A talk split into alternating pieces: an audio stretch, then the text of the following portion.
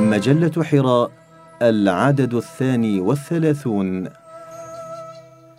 العلم والأخلاق وأثرهما في بناء الإنسان عند النرسي بقلم الأستاذ الدكتور محمد الروقي. إن القارئ لرسائل النور الدارس لنصوصها المتأمل في سطورها يجد لا محالة أن فكره قرآني المصدر والغاية. قرآني المضمون والمنهج ومن ثم فإن العلم الذي تحدث عنه ودعا إليه وحث الناس عليه وأودع مادته في رسائله هو العلم القرآني الرباني الذي يفتح البصائر وينور العقول ويزيل الأقفال عن القلوب. هو العلم الذي يعرف بالله جل جلاله ويهدي إليه ويوصل إليه. هو العلم النافع الراشد الذي يستقيم به الإنسان ويحمله على الصلاح والإصلاح. ويكفه عن العصيان والفساد والطغيان. هو العلم الذي يقود صاحبه إلى الفضائل ويحمله على التحلي بالأخلاق العالية ويوجهها ويرشدها ويحافظ عليها. فهو قرينها وملزومها إذ لا يحل العلم القرآني الرباني قلبا إلا شرحه لأخلاق الإسلام ومكارمه. ولا يدخل عقلا إلا أشبعه بالقيم العالية والمبادئ السامية وحرك صاحبهما إلى العمل الرشيد والفكر السديد. إذا فالعلم الذي لا يثمر هذه الأخلاق ولا يفضي إليها ويحمل صاحبه عليها فهو في نظر النورسي لا قيمة له ولا جدوى منه ولا نفع فيه. وليس هو الذي يستحق أن يسمى علما. والمتتبع لكلام النورسي في فقه علاقة العلم بالأخلاق يجد أنها قائمة في فكره على أساس التأثر بخصائص العلم القرآني الرباني وهي خصائص تميزه عما سواه. بعضها يحلي بالفضائل والكمالات وبعضها يخلي من الرذائل والنقائص. وبهذه التحلية والتخلية يتم بناء الإنسان على النحو الأكمل وتستقيم صياغته على الوجه الأجمل. فينشأ عن هذا البناء وهذه الصياغة مقام ثالث بين مقامي التحلية والتخلية هو ما يمكن أن نسميه بمقام التجلية وهو مقام تظهر فيه على الإنسان السالك الواصل آثار نعم الله وتتلألأ حوله مصابيح البركات الرحمانية وتتجلى فيه أنوار الفيوضات الربانية الصمدانية. ونستعرض فيما يأتي عشرا من هذه الخصائص في ضوء رسائل النور وفكر النورسي. الخمس الأولى منها في التحلية والخمس الأخرى في التخلية مع كثير من الاختصار والإجمال لأن القصد هو إبراز علاقة العلم بالأخلاق من خلال هذه الخصائص. العلم القرآني الرباني يدعو بطبيعته إلى الإيمان ويسقل فكر صاحبه ويعرفه بالله عز وجل. فينبع من هذه المعرفة إيمان صادق يشع نوره في القلب ويسري تياره إلى العقل.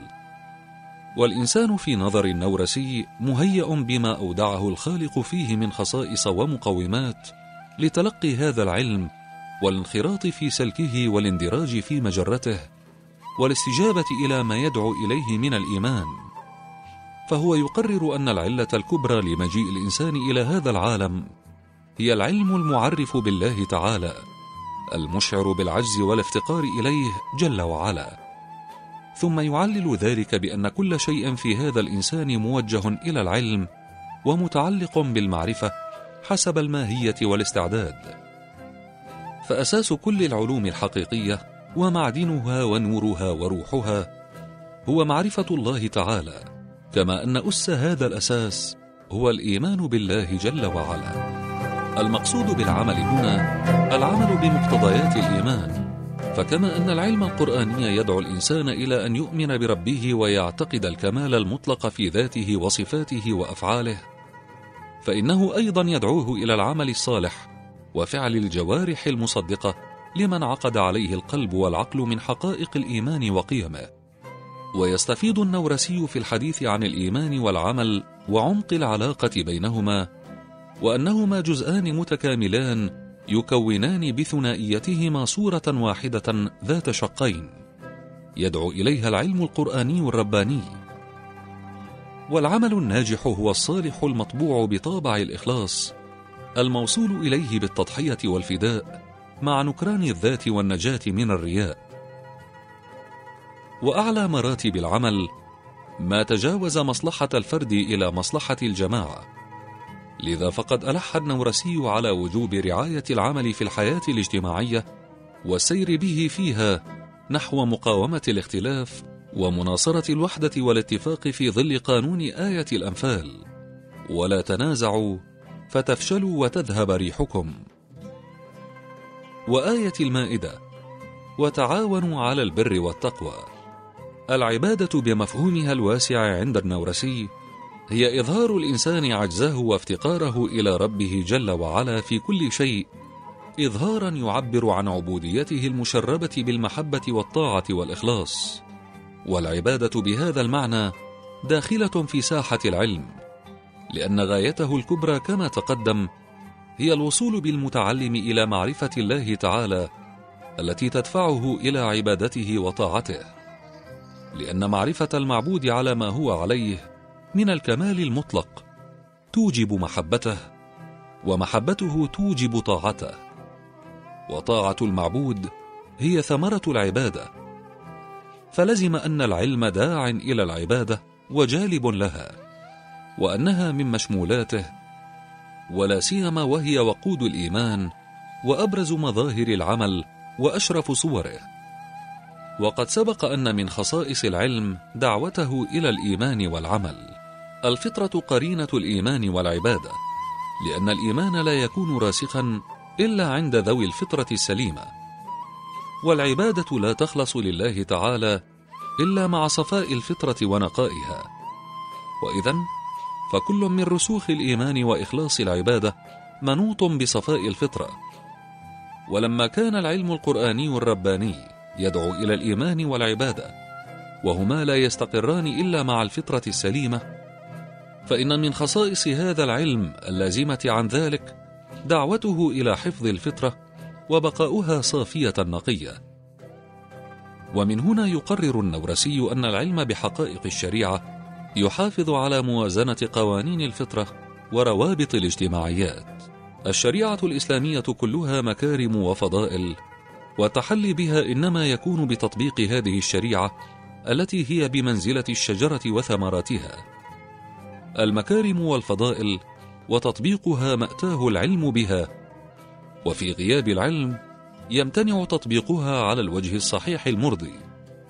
وعند ذلك تحل الرذائل محل الفضائل والنقائص محل الكمالات والشقاوة محل السعادة.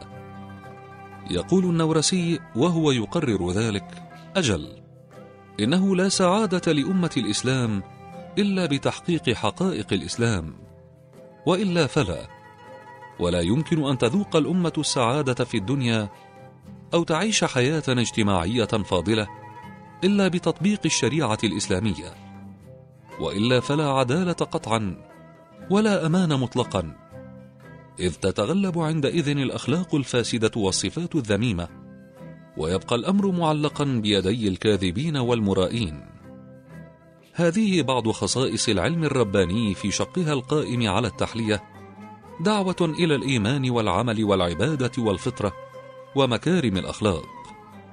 وعلاقة العلم بالأخلاق من موقع هذا الشق هي علاقة الحفظ الوجودي للأخلاق. أما شقها الثاني القائم على التخلية فعلاقة العلم فيه بها هي علاقة الحفظ العدمي. ونستعرض هنا خمس خصائص أخرى من هذا الشق متوالية ومتسلسلة مع الخمس السابقة من خصائص العلم الرباني أنه يحمي صاحبه من الضلالة سواء كانت ناشئة عن جهل أو عن علم والحماية منها تكون قبلية وبعدية. فالقبلية هي وقاية الإنسان من الوقوع فيها وإبعاده عن دائرتها. والبعدية هي إنقاذه منها إذا وقع في مستنقعها. ويقرر النورسي في هذا الصدد أن الإنقاذ من الضلالة الناشئة عن جهل أيسر وأهون من الناشئة عن علم لأن الواقع في الثانية معجب بنفسه غارق في هواه لا يكاد يرى حقيقة أمره من سوء ما هو فيه من الوهم. يقول النورسي فيا أخي إنك تعلم جيدا أن الضلالة إن كانت ناجمة عن الجهل فإزالتها يسير وسهل. ولكن إن كانت ناشئة من العلم فإزالتها عسير ومعضل وقد كان هذا القسم الأخير نادرا فيما مضى من الزمان وربما لا تجد من الألف إلا واحدا يضل باسم العلم. وإذا ما وجد ضالون من هذا النوع ربما يسترشد منهم واحد من الألف. ذلك لأن أمثال هؤلاء يعجبون بأنفسهم فمع أنهم يجهلون يعتقدون أنهم يعلمون وقد نفى النورسي العلم عن الواقعين في الضلالة عن علم فعلمهم هذا إنما هو في وهمهم ولو كان عندهم علم حقيقي ما وقعوا في الضلالة لأن العلم يحمي منها. فلزم أن ما معهم مما يتوهمون أنه علم ليس بعلم. وهذا الذي يقرر النورسي هنا هو مستمد من القرآن ومقتبس من نوره. فقد قال ربنا عز وجل وإن كثيرا ليضلون بأهوائهم بغير علم. إن ربك هو أعلم بالمعتدين. فقد صرحت الآية بنفي العلم عن الواقعين في الضلالة والموقعين فيها وأن مستندهم في ذلك إنما هو أهواؤهم. ويستفاد من الآية عن طريق مفهوم المخالفة أن المتحصن بالعلم الرباني محمي من الضلالة. الفساد نتيجة الضلال وكما أن الضلال والإضلال سببه الجهل ولو توهم الضال أنه على علم فكذلك الفساد والإفساد سببه الجهل ولو كان باسم العلم. والحامي منهما معا هو العلم القرآني الرباني فمعه لا مجال للفساد والإفساد. والحديث عن الفساد كثيرا ما يقرنه النورسي بالحديث عن الضلال لما بينهما من علاقة التلازم. وفي كل منهما يتحدث النورسي عن الناشئ عن جهل والناشئ عن علم وأن الأول أهون من الثاني وأيسر في رفعه وإزالته. الحديث عن المعاصي كالحديث عن الفساد والضلال لأن المعصية ضرب من الفساد وهما معا من مشمولات الضلال. والعلم الرباني يحمي من ذلك كله حماية قبلية بالوقاية وبعدية بالعلاج. فلا سبيل إلى وجود المعاصي إذا كان الإنسان متسلحا بالعلم متحصنا برشادته وهداه. ويستدل النورسي على ذلك بأدلة كثيرة من النقل والعقل والمشاهدة. نجتزئ من ذلك بحديث أنس رضي الله عنه الذي قال لأحدثنكم حديثا لا يحدثكم به أحد بعدي. سمعت رسول الله صلى الله عليه وسلم يقول من أشراط الساعة أن يقل العلم ويظهر الزنا. رواه البخاري. فواضح من الحديث أن الزنا وهو من المعاصي إنما يظهر ويفشو إذا قل العلم وفشى الجهل. وهذا يدل عن طريق مفهوم المخالفة أن العلم يحمي من هذه المعاصي.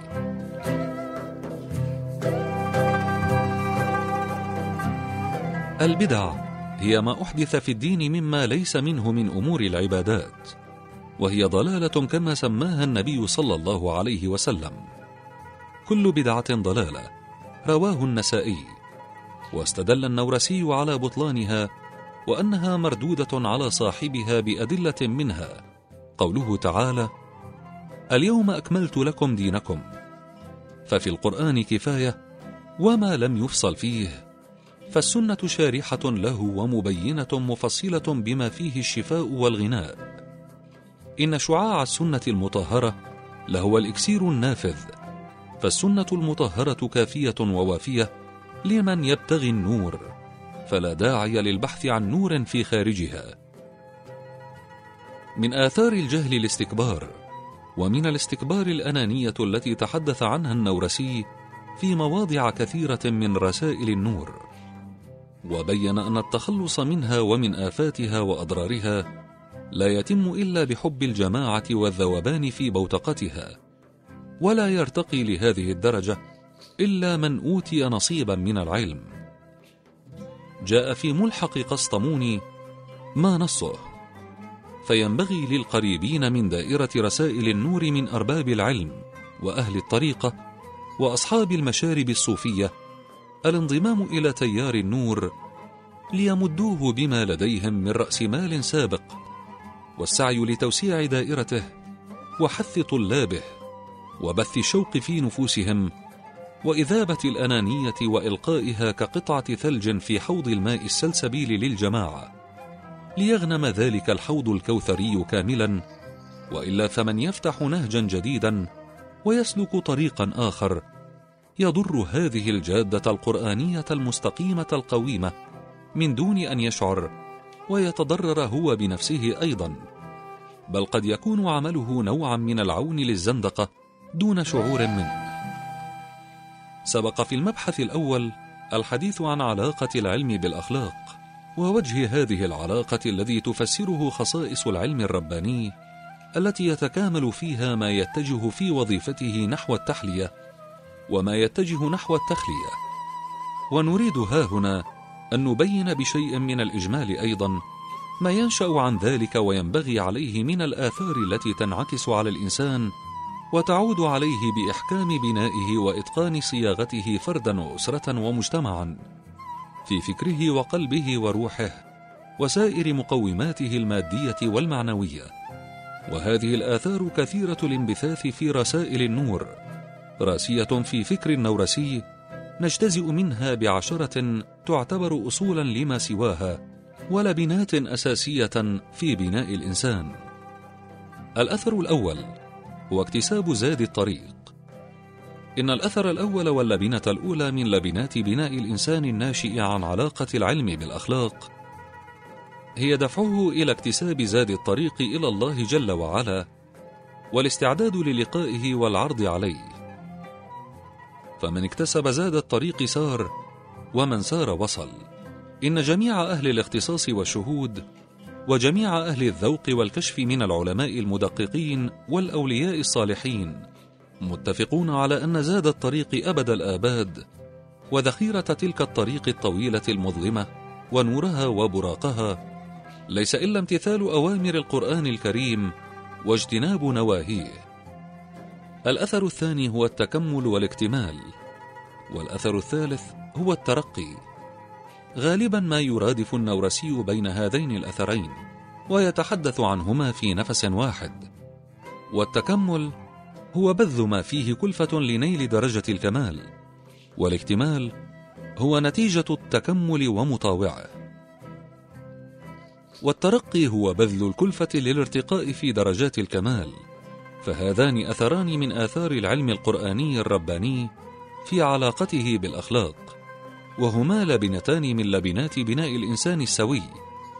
وقد تحدث عنهما النورسي في مواضع من رسائله وبين أن التكمل والاكتمال يكون بالتعلم وأن الترقي يكون بكسب العلم والمعرفة وأن الإنسان يتميز بهما عما سواه من المخلوقات السفلية وأنهما محطته الأولى للسير إلى الأمام والعروج إلى المقامات العليا. الأثر الرابع هو النظر البعيد والأثر الخامس هو التأني والأثر السادس هو الحكمة. هذه الآثار الثلاثة كلها من نتائج العلاقة التلازمية بين العلم والأخلاق وكلها أدوات لبناء الإنسان الأرقى وهي متلازمة متكاملة يأخذ بعضها بحجز بعض.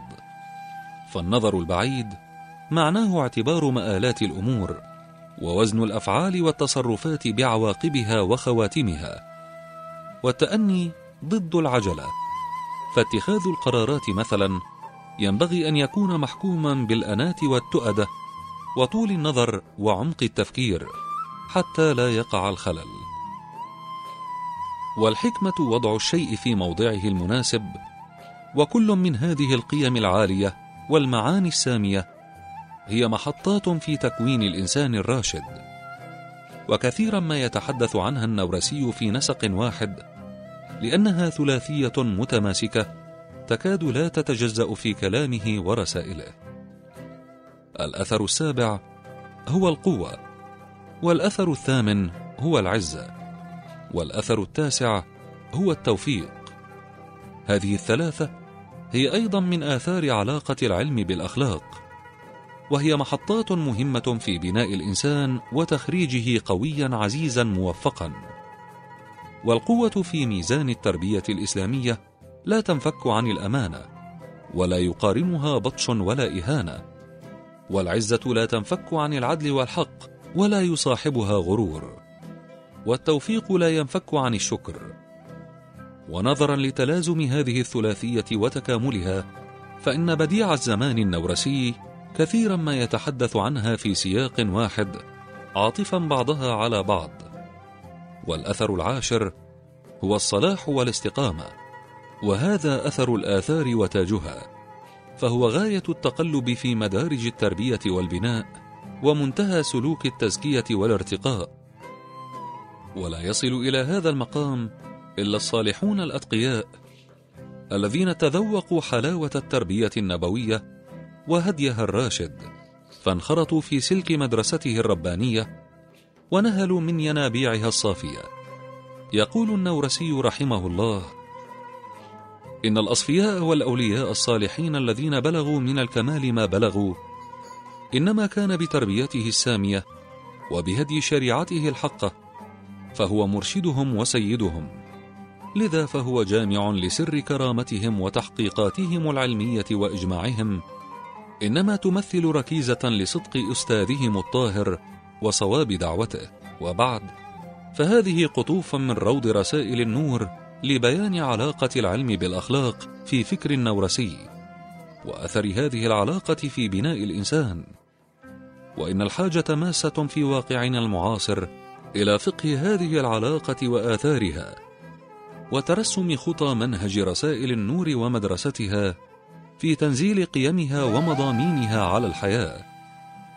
كما أن الحاجة ماسة إلى إحياء العلم القرآني الرباني وبثه في العقول والبيوت والمجتمعات لنعيد البناء ونصحح السير. وفي رسائل النور مادة خصبة صالحة لذلك.